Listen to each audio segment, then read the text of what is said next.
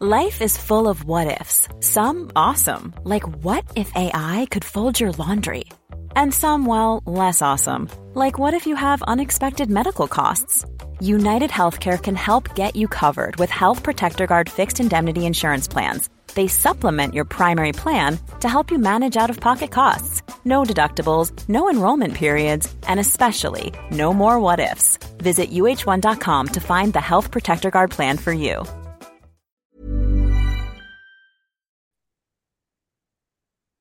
Halo pendengar GGMI Podcast, balik lagi bersama kita berdua dan kita mau memberitakan berita duka cita walaupun hanya pramusim tapi banternya tuh udah kerasa ya. Sebenarnya dari kemarin kita menang lawan Arsenal tuh perdebatan di Twitter nggak akan pernah selesai dan kemarin menjadi puncaknya karena MU harus menahan kekalahan kedua dalam dua hari berturut-turut setelah sebelumnya kita kalah bisa dibilang berapa? Dua kosong ya lawan Wrexham. Tiga Dan satu. oh sorry tiga satu maaf. Dua kosong dari Madrid, tiga satu dari Wrexham. Besoknya kita harus menang kekalahan lagi dengan cara yang bisa gue bilang kontroversial ya. Nanti kita akan bahas lah golnya pertama dan juga bagaimana akhirnya ini bisa menjadi uh, racikan dan juga mungkin riset ya buat Ten Hag terkait dengan formasi dan juga pemilihan pemain. Nah, pertama Vin, mengenai line up, apa yang lo bisa tangkap dari line up yang ditampilkan Ten Hag untuk pertandingan lawan Madrid kemarin? Ya, kalau dilihat lawan Madrid sebetulnya itu adalah sebuah line up yang cukup apa ya, mungkin eh, predictable ya di beberapa eh, most of the position gitu. Kayak ada Onana akhirnya debut, kemudian ada Luke Martinez, Varane, Wan Bisaka. Nah, masalah Wan Bisaka ini sebetulnya gue against banget gitu karena ya semua udah pada tahu lah ya bahwa gue prefer Dalot daripada Wan Bisaka. Jadi kayak lu kalau misalnya mau main total um, building up dari belakang secara lancar sampai depan kenapa nggak Dalot aja sekalian gitu? Itu concern gue nanti bisa kita bahas gitu. Kemudian tengahnya ada Casemiro, Mason Mount dan juga Kobi Mainu. Nah ini menarik nih Kobi Mainu karena kemarin-kemarin kan Mainu diplot sebagai holding midfield tapi sekarang dia diplot menjadi nomor 8 yang mana mungkin nantinya ketika build up Mainu lebih turun menjemput bola dan Casemiro lebih higher up gitu bersama Mason Mount gitu. Karena memang Casemiro nggak terlalu bagus kan dalam build up gitu. Lebih bagus Mainu malah. Nah, yang agak lucunya lagi ternyata memang Bruno Fernandes dipasang di sayap kanan, yang mana menurut gue kemarin gagal total sih dia di kanan, menurut gue ya, gitu. Jadinya eh, depannya Rashford, kiri Garnacho, Rashford menjadi penyerang juga merasa, gue rasa nggak terlalu bagus ya kemarin. Jadi eh, jujur ya menurut gue yang bagus itu kemarin ya di babak pertama itu cuma Onana doang. Udah, Onana doang menurut gue yang bagus sih, gitu. Oke, ini menarik ya. Maksudnya hanya Onana secara spesifik tanpa ada pemain lainnya yang mungkin lo sebut. Tapi menarik, kita mulai dari line up ya. Kemarin tuh adalah debu pertama Onana, di mana kita sebenarnya menunggu ya, Vin ya, pas melawan Arsenal ya. Cuman kan waktunya belum mungkin belum tepat karena dia juga baru sampai di Amerika, mungkin baru sehari dua hari ya. Jadi mungkin secara fatigue juga belum ready dan kemarin dimainkan dan kerasa betul ya adanya perbedaan yang signifikan utamanya ketika akhirnya bola berada di sisi belakang. Dulu kita mungkin agak deg-degan ya. Ini akan mencapai posisi yang mana atau outputnya akan ke siapa. Tapi sekarang kita melihat bahwasannya cara ball distribution dan bagaimana ketenangan dia kelihatan jadi salah satu poin pembeda di pertandingan kemarin juga mungkin untuk musim depan. Yang kedua adalah terkait dengan Kobi Mainu yang harus ditarik Kevin ya sayangnya ya. Hmm. 5 menit bahkan dan gue juga agak kaget ya kenapa Mainu yang akhirnya harus gotong keluar padahal kan yang tabrakan adalah Casemiro dan juga Rodrigo kan. Iya iya iya. Ya ini juga ada menurut gue awalnya tuh nih gue ngerasa kayak insidennya tuh nggak begitu parah karena orang yang bertabrakannya aja langsung bangun gitu. Tapi kenapa orang yang mendapatkan collateral damage-nya justru malah mendapatkan uh, hal yang lebih ekstrim dan akhirnya harus diganti kan oleh Christian Eriksen dan itulah momen yang menurut gua ngerasa kayaknya ya Eriksen ini belum belum belum 100% sih mencapai kebugarannya ya. Lama gua, ya. Apa? Sejak sejak dia comeback dari musim lalu sampai sekarang nggak balik-balik ya kebugarannya ya. Tapi tapi maksud gini, ini udah bukan berarti dia jelek ya. Dalam arti kok ke Erikson kalau dalam on the ball dia bagus. Tapi kalau off the ball, nah itu yang mungkin menurut gua agak perlu untuk mendapatkan sokongan sih atau backingan. Makanya makanya kenapa akhirnya ada uh, siapa namanya Mason. Mount. Ya kan? Yang ketiga yang gue lihat juga terkait dengan peran Bruno yang ditaruh di kanan yang semua kayaknya agree ya kalau itu adalah mungkin worst decision yang Ten Hag pernah ambil gitu. Menaruh Untuk Bruno di kemarin ya, kanan. pertandingan Apa? kemarin ya, pertandingan Iya, kemarin doang ya. Mm-mm. heeh. Gue ngerasa dia tidak berkembang dan ujungnya di babak kedua kan akan diganti kan dia main posisi nomor 8 gitu Dan dan lebih bagus. iya lebih bagus. Aliran bola juga lebih rata dan gue kemarin ngeliat juga Garnacho juga nggak terlalu optimal. Uh, gue nggak tahu apa yang terjadi karena Rashford juga nggak ya sosok lah gitu nggak ada terlalu chance yang begitu mentereng gitu. Tapi kalau boleh nilai penilaian ya terkait dengan gol pertama. Nah, apakah menurut lo tuh offside atau lu ngeliat ada chance di mana emang Wan Bisaka kayaknya ketariknya terlalu da- dalam, tapi emang mungkin eh, garisnya nggak, eh, kameranya nggak ketangkep gitu, Vin. Atau lu ngerti gimana? Iya, kalau yang gue lihat sih ya emang offside gitu. Cuma memang karena tidak ada VAR, pada akhirnya terlihat bahwa Wan Bisaka ini bikin garisnya itu nggak seimbang gitu loh. Garis eh, offside yang lagi dibuat sama eh, backline MU itu dirusak sama Wan Bisaka gitu. Tapi itu memang udah offside menurut gue gitu. Dan banyak yang bilang offside juga kok gitu. Dan gue juga inget rekamannya, fotonya, videonya dan memang offside. Cuma karena memang posisinya kita mungkin belum ready ya. Karena baru banget main keluar, belum sempat Erikson bisa masuk kemudian suwe aja keadaannya seperti itu mungkin apa ya kayak iya kita lihat gitu Lisandro sama Varane ini gapnya gede banget gitu dan kemudian Jude Bellingham ini tiba-tiba masuk ke sana dan itu memang spe- spesialisasi dia kan menjadi pemain nomor 8 yang higher up gitu. Jadinya pada akhirnya ya terjadi gol lah itu cuma emang karena nggak ada VAR aja gitu. Jadi menurut gua itu momen di mana mungkin ya secara mental gue merasa kita tuh di babak pertama lemes main mainnya gitu. Kayak oke kita bisa eh, bikin beberapa peluang tapi itu bukan peluang yang bagus gitu. Jadi memang pada akhirnya banyak hal-hal yang terjadi gitu dari Mainu cedera, kemudian kebobolan di menit segitu, yang mana mungkin menurut gue ya Onana memang agak gambling di situ. Dia nggak salah tapi gambling aja. Kayak ketika Jude Bellingham dapat itu kalau Onana stay di gawangnya, itu Bellingham maju dikit shot juga bisa gol juga kan. Tapi dia memilih untuk maju dan langsung menutup ruang. Cuma ya lawan lu Jude Bellingham yang bagus juga. Jadinya ya pada akhirnya gol anyway gitu. Jadi menurut gua nggak salah tapi gambling gitu. I see. Karena itu juga yang jadi beberapa kritikan ya. Ah, mungkin ini juga mulai kerasa nih ya. Bagaimana fans MU akan terbelah dua ya. Ada orang yang akan kayak elu nih ya. Militannya kiper dengan position gitu. Karena juga ball retention. Ada yang memang akhirnya cenderung ortodoks gitu. Yang akhirnya merindukan sosok David De Gea gitu. Yang mana akhirnya kemarin dianggap kalau De Gea itu nggak akan gol tuh Vin. gol satu gol dua tuh kayak nggak akan gol tuh karena refleksnya kan lumayan oke gitu kan. Dan itu pun juga kemarin sempat diributin sama Andy Cole kan dan juga Dwight York ya yang akhirnya kayak MU harus berhati-hati. Tapi lu tanggapan Onana as in dari mungkin lu boleh mengelaborasi dari apa yang Cole sama York sampaikan dan juga penampilan dia so far emang apakah emang belum terlalu familiar aja kah atau emang Onana emang setidak yang itu ke, ke terhadap shop stopping gitu Vin? Kemarin Onana menurut gue juga ada dua tiga peluang yang bisa dimentahkan kok gitu. Di babak pertama ada yang dari crossingnya siapa gitu gue lupa. Kemudian bisa ditepis. Kemudian di babak kedua juga dia uh, saves pakai kaki gitu ya. Dea juga melakukan itu kan gitu. Jadi apa ya nggak ada yang salah gitu ya. Gol-gol itu adalah gol-gol yang memang gue yakin David Dea juga bakal kebobolan gitu. Dan kiper-kiper lainnya tuh memang kebobolan. Itu adalah gol yang sangat sulit dicegah. Apalagi gol kedua ya gitu. Golnya si Hoselu gitu. Itu udah ya ya udah gitu. Itu emang gol kerennya Hoselu udah kita nggak usah bawa-bawa ini Onana atau De Gea bakal saves gitu. Emang itu golnya keren aja. Udah sampai situ aja gitu. Nggak usah menilai siapa kipernya karena memang tuh gol sangat bagus menurut gua.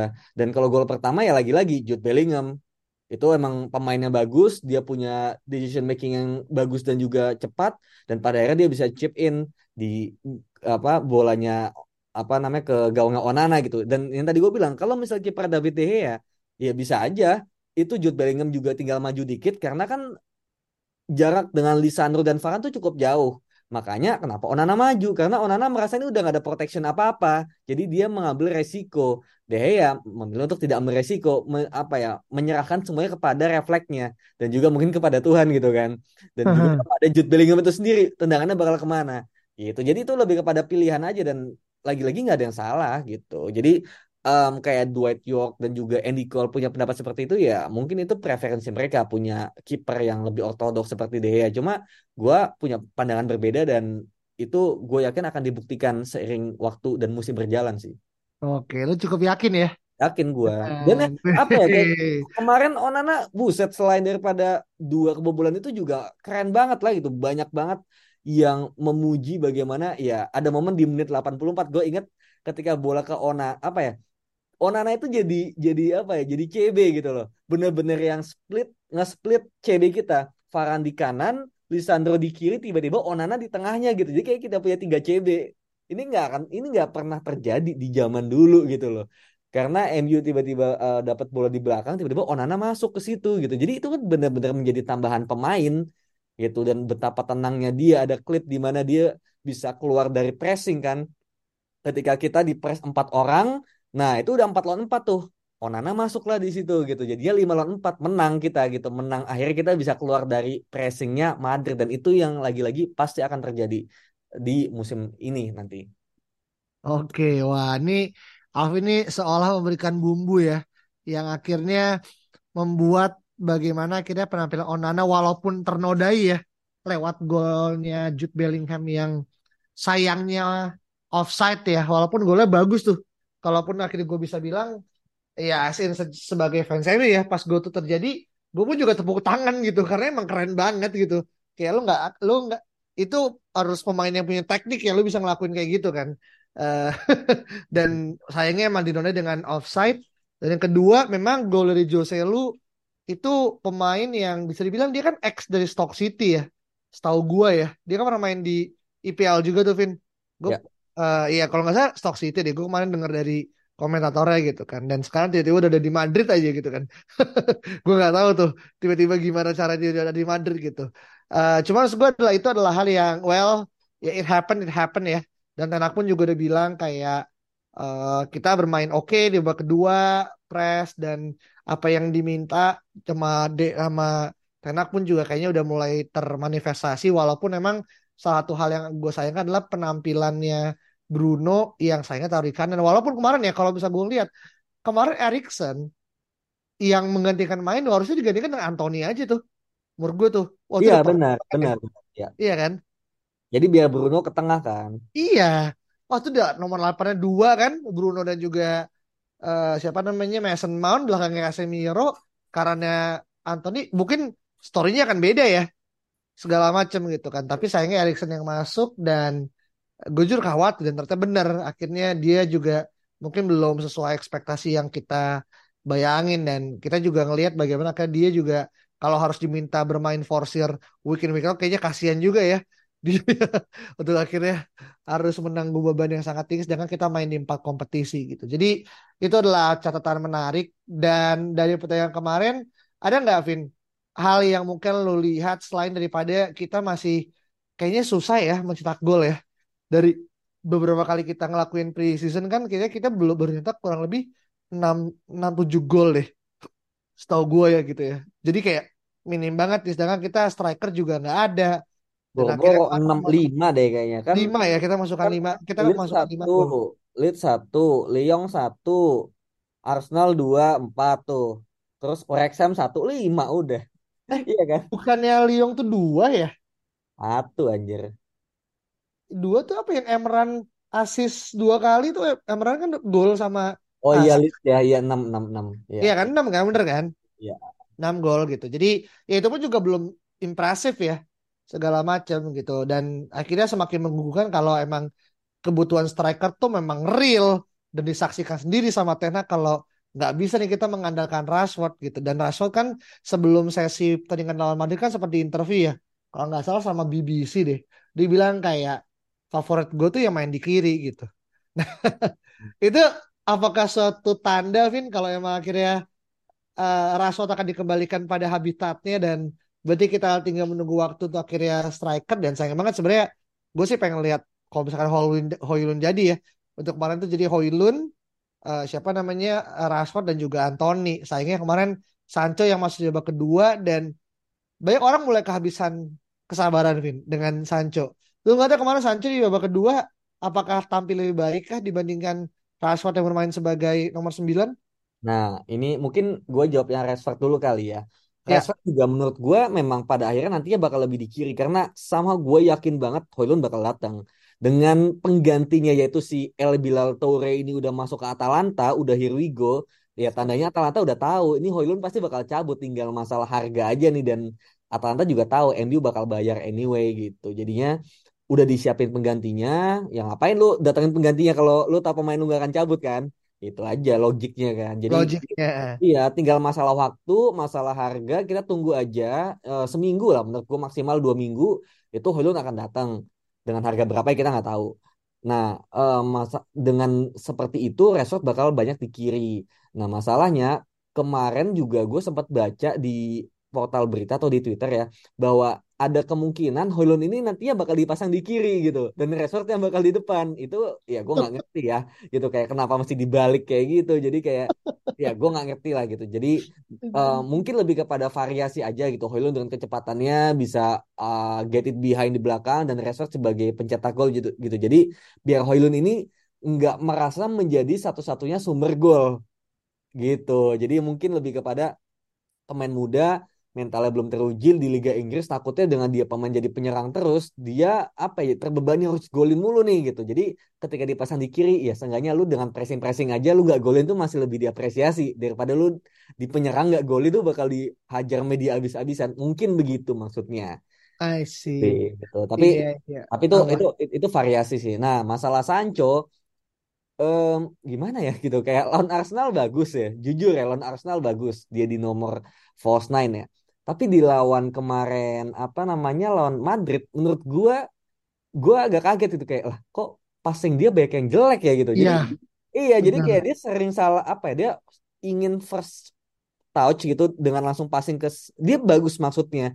Dia bisa mundur drop deep kemudian ketika dipasing dia langsung passing ke kanan atau kiri maksudnya udah bagus tapi sama salah oper dua kali gitu loh kayak lah kok jadi gini gitu masih lebih bagus Martial menurut gua gitu dia masih bisa sabar nahan bola dulu lihat situasi kemudian baru oper gitu. Jadi Sancho menurut gua masih terlalu cepat mengambil keputusan yang mana mungkin pressingnya sangat-sangat bagus ya Real Madrid gitu. Di di uh, ngepres si Sancho jadinya bola itu pada akhirnya dia nggak sempat mikir gitu. Karena gue juga kalau main bola di pressing kayak gitu gue jadi salah oper gitu loh. Jadi untuk ketenangan aja gitu lo butuh composure untuk pada akhirnya menjadi false nine gitu. Jadi semoga just a matter of time aja sih gitu. Tapi memang ketika melihat Sancho di nomor 9 kemarin di lawan uh, Madrid memang agak agak mengkhawatirkan sih gitu. Makanya mungkin pada akhirnya Ten Hag menginginkan yang kita bahas kemarin ya Mohamed Kudus yang mana dia bisa bermain nomor 9 bisa sebagai false nine meskipun bukan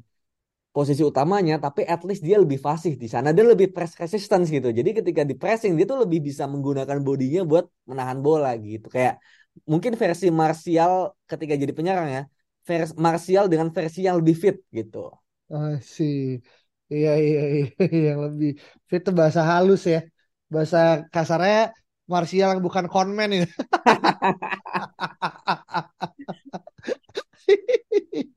Kita pernah bahas tuh di tahun lalu tuh Martial the Conman uh, julukan dari Paul Scholes ya. Iya iya iya. iya. Oke oke. Uh, ya dan sekali lagi sih uh, mungkin buat orang-orang yang akhirnya ikut ngebanter di sosial media. One size fits all seems like a good idea for clothes until you try them on. Same goes for healthcare. That's why United Healthcare offers flexible, budget-friendly coverage for medical, vision, dental, and more. Learn more at uh1.com.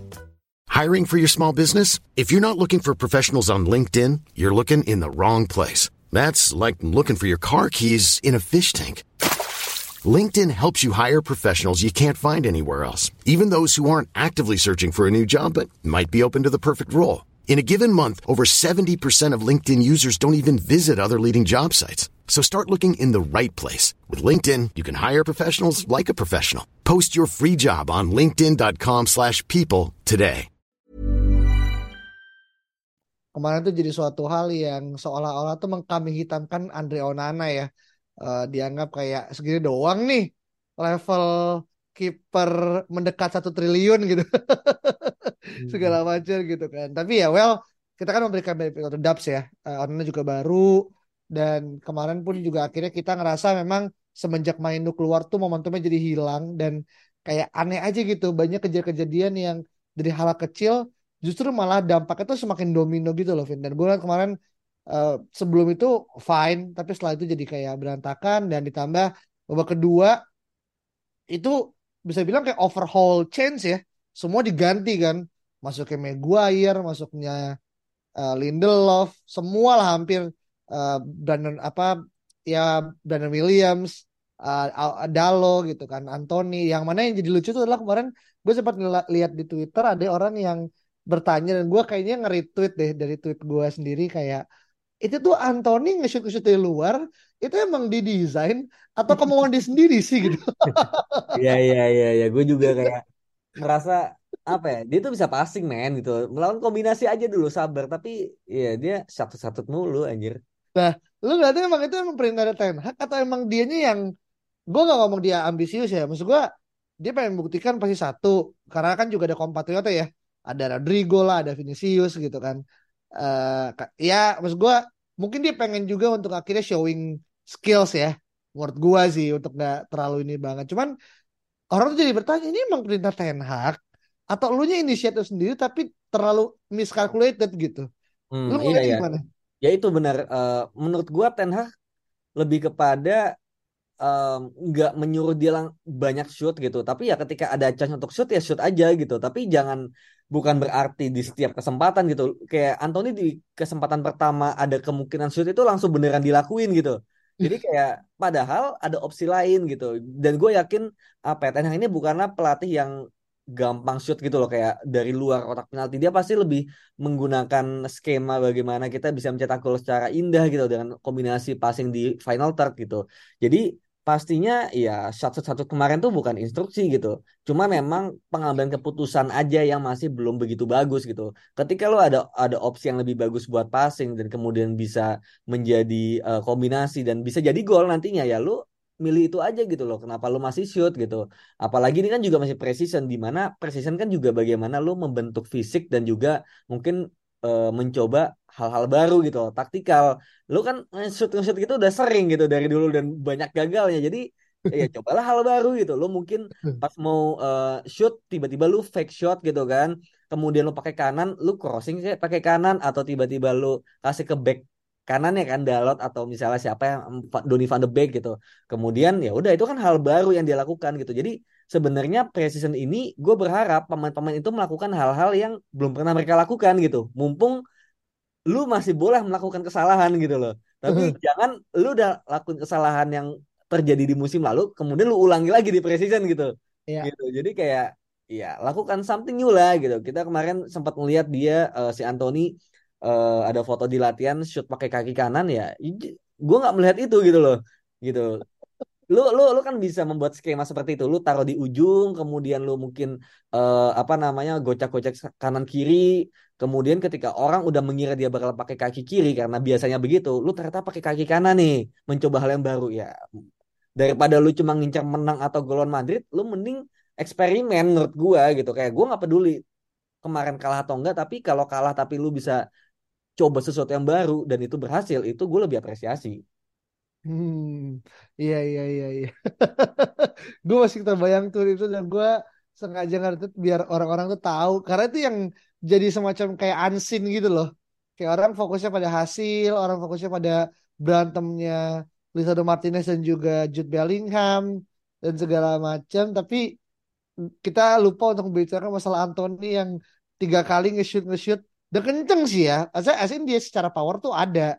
Cuman emang akurasinya ya dan juga mungkin placementnya yang akhirnya terlalu eh, apa menukik aja sih Vin jadi kayak terlalu jauh dari sasaran gitu malah tuh gue suka kayak yang dilakuin sama Garnacho ya sebelum taruh keluar kan dia kan ngelakuin shooting juga tuh walaupun tetap ke tengah ya keandalunin kan. Tapi gue kaget juga tuh Garnacho bisa nendang lurus kayak gitu tuh.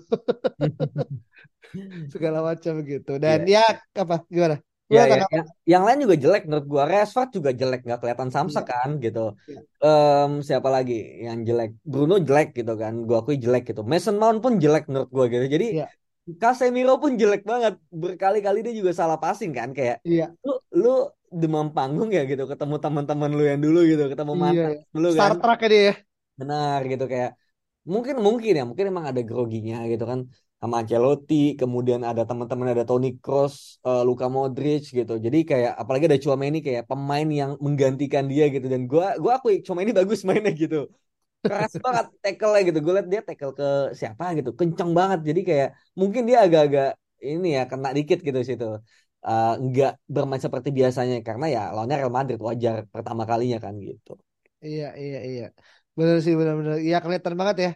Ada suatu hal yang mungkin di antara dia pengen proof sama sesuatu yang dia juga nggak enak gitu. Karena kan tadi gue lihat ya di tunnel sebelum akhirnya timnya masuk kan mereka sempat salaman ya, pelukan bahkan kan segala macam gitu. Untung kaptennya bukan Gary Neville tuh ya. Kalau Gary Neville langsung ditarik tuh langsung gitu kan. Iya, Eh, iya. ngapain lo gitu. Segala. Tapi gue sih ngelihat ya kemarin tuh emang eh, di di pertandingan Madrid dan juga MU itu emang the battle of midfield ya buat gue sih. Kayak Hmm, iya kan Madrid dengan segala kelas bintang wahidnya eh, golongan tuan dan golongan gue itu sama-sama bagus gitu kan. Dan MU ya mencoba mengimbangi juga dengan nggak kalah bagusnya juga sebenarnya gitu. Cuman emang ya as in secara numbers kalau dibandingin dengan substitutionnya Madrid yang punya masih punya Valverde masih punya Toni Kroos ya kita menggantikan dengan Scott McTominay gitu loh Iya, dan iya. juga dari Van de Beek gitu loh yang secara kualitas juga pasti kan ya di bawah mereka lah gitu sih Vin Nah, iya. Nah, ini masalah gelandang juga kemarin gue tuh kayak agak agak sedih gitu kayak kalian pasti semua inget ya bahwa Ten Hag itu di minggu lalu dia sempat mengeluarkan sebuah statement yang sangat-sangat kontroversial yang bikin gue juga kayak wah ini bisa dipelintir atau ini maksudnya apa? Yaitu Ten Hag bilang bahwa dia ingin membuat MU jadi tim dengan transisi terbaik di dunia gitu. Gue mikir ini maksud statementnya apa ya gitu? I mean oke gitu, lu mau jadi tim transisi terbaik di dunia tapi how about the possession itself gitu? Apakah dengan begitu lu nggak mau main possession atau gimana? Atau possession tetap tapi transisinya tetap jadi yang terbaik gitu? Atau itu ada dua hal yang berbeda? Nah ini ini tuh gue nggak ngerti dan kemarin lawan Madrid ya mungkin ya mungkin ketika bicara transisi itu ketika lawan tim besar. Ketika lawan tim kecil kita akan position dengan cara yang seharusnya gitu. Mungkin seperti itu. Tapi Iya kemarin tuh kita nggak bisa pegang bola lama men gitu loh kayak gampang di press gampang di apa ya nggak tenang gitu dan Madrid jauh lebih tenang dalam pegang bola gitu jauh lebih apa ya mungkin position sama atau mungkin ini lebih bagus tapi lebih enak dilihat gitu loh Madrid ya daripada MU dan masalah gelandang ini kayak apa ya gue masih menyayangkan kita nggak beli gelandang yang ala ala Toni Kroos atau Luka Modric itu yang high volume passer gitu. Makanya kenapa gue pengen banget kayak beli ala ala kayak misalnya kalau yang ini ya eh, agak-agak nih agak-agak apa jarang ya namanya itu Maxim Kakere gitu yang ada di Lyon. Itu oh iya. ya menurut gua itu beneran versi murahnya dari Frankie De Jong gitu gak mainnya mirip banget dribble kemudian eh, passingnya. Dan itu mirip sama Luka Modric gitu menurut gua. Dia nggak bisa di press nggak cukup press resistance gitu. Jadi kayak kenapa kita nggak ngejar pemain seperti itu untuk variasi gitu? Kita belinya pemain-pemain yang higher up gitu Mason Mount gitu Donny van de Beek gitu. Lu nggak punya pemain yang bisa ngontrol pertandingan dari belakang gitu. Mungkin mungkin enak melihat itu di diri Kobi Mainu kali ya gitu. Jadi memilih udahlah gue nggak usah beli tapi gue bikin aja dan itu ada di Mainu mungkin gitu Hmm. Mungkin ya atau mungkin Mainu adalah eh, racikan Ten Hag untuk melihat atau membangkitkan sosok Frankie De Jong juga gitu kan.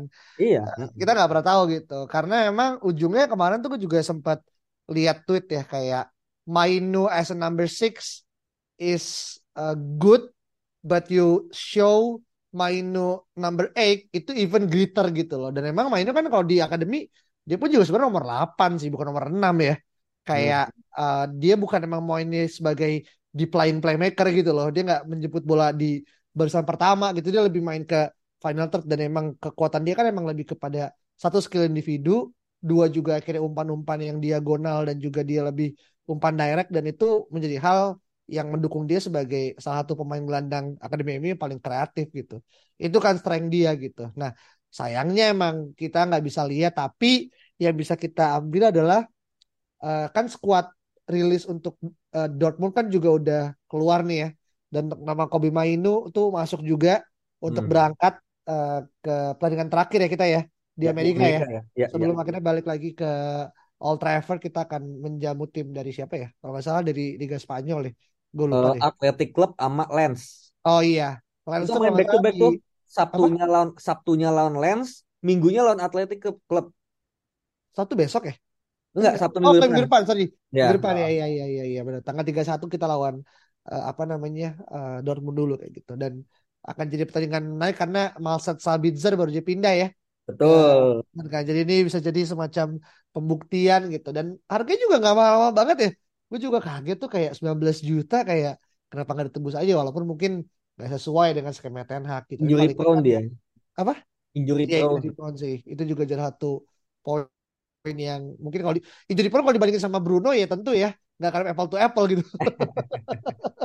Ada yang kemarin aja dengan dipinjemin uh, kita pinjam Sabitzer dia udah ada cedera 2 sampai tiga kali kan. Jadi kayak lu enam bulan cedera 2 sampai tiga kali kalau setahun berapa gitu. Jadi kayak gue sih setuju kita nggak beli Sabitzer tapi sebenarnya Sabitzer ini bisa masuk gitu. Bisa masuk ke dalam skema tapi sayangnya itu aja cedera itu sih. Iya ya. Jadi sangat di ini banget sih padahal untuk akhirnya menggantikan Erikson buat gue sih masih lumayan oke okay lah untuk bisa sebagai plan ya plan B ya dalam kita sembari mungkin mencoba merengsek untuk di uh, musim depan untuk akhirnya jadi playmaker ataupun gelandang yang akhirnya masih bisa suitable. Tapi oke okay, uh, eh, sebagai pelajarannya adalah banyak hal yang perlu Tenak lakukan dan sekali lagi ini pramusim uh, hasil bukan utama tapi lebih pada bagaimana akhirnya pelatih menemukan uh, ya formula dan apalah guna kita kemarin tahun lalu kita juara uh, Bangkok Traffic Cup ya atau juga ujungnya kita juga mengambil di uh, liga dan juga di Eropa juga gitu kan. Jadi ini harapannya bisa menjadi suatu fenomena yang baru lah buat Tenak. Terakhir, uh, apa yang bisa ambil sebagai catatan uh, personal terkait dengan pertandingan antara Madrid dan juga Imi kemarin, Vin?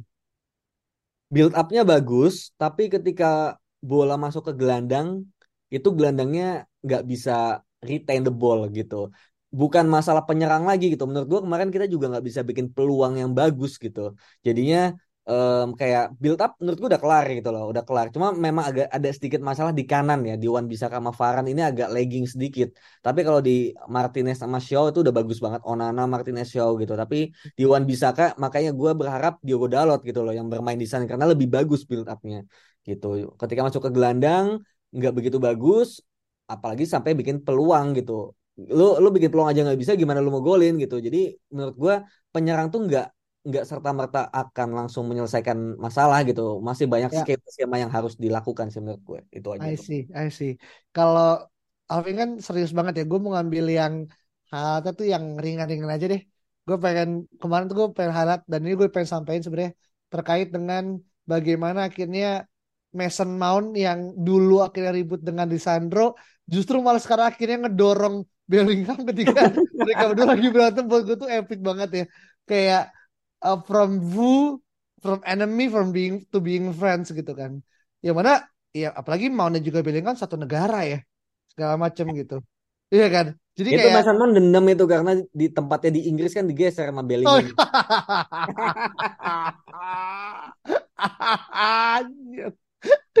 Emang take personal berarti. Ya?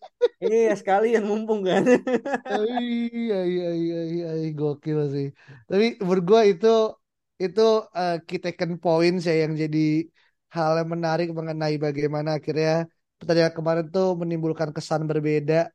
Uh, dan mungkin uh, yang kedua lebih kepada ini sih lebih kepada akhirnya uh, kita mengetahui ya kalau emang klub itu memang uh, invest secara benar ya kita Madrid gitu.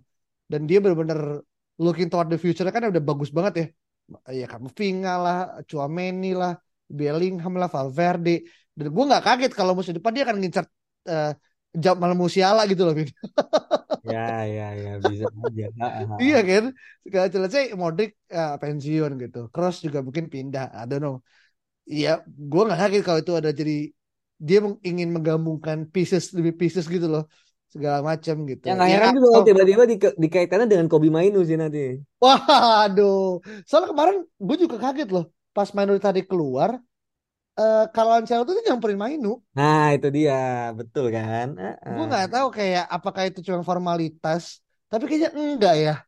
Gue ngerasa emang mungkin Cancel- Ancelotti juga tahu gitu, Mainu punya guts gitu, Hmm, punya iya. kualitas gitu. Iya kan? Makanya, Akhirnya, makanya gue gue tuh kan kalau ngomong kan nggak pernah asal ngomong kan. Jadi ya kita lihat aja gimana Kobe Mainu musim depan di bursa musim panas nanti ya, musim depan lagi ya. Iya iya iya. Iya karena ya dia pun masih 18 tahun ya pun masa depan juga masih 19 tahun kan. Eh, dan tentu kita ingat banget ya Bellingham pindah ke Bir- Birmingham juga usia 18 kan. Iya kan? Jadi ya. gue nggak bilang Bellingham sama Menu sama ya karena tentu banyak orang pasti nggak suka dan orang ngerasa sellingnya Bellingham lebih tinggi. Dan gue percaya itu cuman maksud gue adalah ketika seorang pelatih lawan memberikan atensi eh, yang memang secara purposeful pasti kan dia punya hal di luar daripada yang bisa kita lihat ya gitu kan. Dan lu disapa sama dua pelatih berarti sama Tenak disapa gitu kan segala macem sama Ancelotti disapa. Jadi kayak ya dia mungkin bisa jadi semacam kayak hidden gem ya buat MU daripada Alejandro Garnacho yang udah tampil ya inilah menimbulkan promise di musim pertamanya gitu segala macam dan nanti kita tentuin aja lihat seperti apa dan gue suka sih sama baju hijaunya MU ya gue jadi pengen beli sih. Gara-gara kemarin eh, dipakai sama yang U2 U23 sama yang sim senior. Hmm, sim gua aja sih ya gue menurut gue bagus baju hijaunya cuma kebanyakan garis di eh, tiga stripnya Adidas gitu loh di oh, iya apa, di lengannya itu kalau nggak ada itu bagus karena strip putih yang di eh, dada itu udah bagus sama di belakang itu Ya. udah bagus harusnya lengan itu ilangin aja yang tiga strip Adidas ya cuma ya itu kan brandingnya Adidas ya nggak mungkin Iya. hilang juga jadi kelihatannya rame banget gitu sih Iya sih, dan tabrakan banget ya. Gue juga sih sambil liatin jersey dipakai sama Martinez sih. Jadi eh, makanya gue mikir kayak, gue tuh malah ngira, oh ini apa jadi jersey ketiga gitu kan. Ternyata yang ketiganya yang putih kan. Mm. Eh, malah ini yang kedua. Jadi ya inilah sebagai apa namanya eh, hal yang baru dan gue nggak tahu di Liga Inggris yang pakai hijau siapa lagi ya? Kayaknya nggak ada ya. nggak ada hijau Yang nggak ada. hijau ini Jadi kan kalau hijaunya lebih ke hijau tua jadi lebih kepada hitam kayak Newcastle sih Oh iya, iya iya iya benar-benar Newcastle. Iya sih, lainnya hijau ya mirip tapi lebih ke stabilo sih. Eh, Tot- Tottenham ya. Jadi ini masih bisa dipakai untuk ini dan sama-sama gelap juga merah dan juga hijau. Jadi menurut gue nih sangat kepake banget ya untuk di musim depan gitu. Tinggal nanti gimana kira prestasinya juga kita lihat seberapa bisa mentereng. Dan itu aja mungkin pembahasan mengenai review Madrid melawan MU dan kita tunggu pertandingan besok tanggal 31 mengenai Munchen eh sorry Dortmund lawan MU yang harapannya bisa menjadi penutup manis ya sebelum akhirnya kita balik ke Eropa dan mempersiapkan Hamin kurang lebih seminggu ya sebelum akhirnya pertandingan Liga Inggris resmi dibuka untuk match atau musim 2023-2024. Itu aja kita ketemu lagi di episode berikut ya. Bye bye.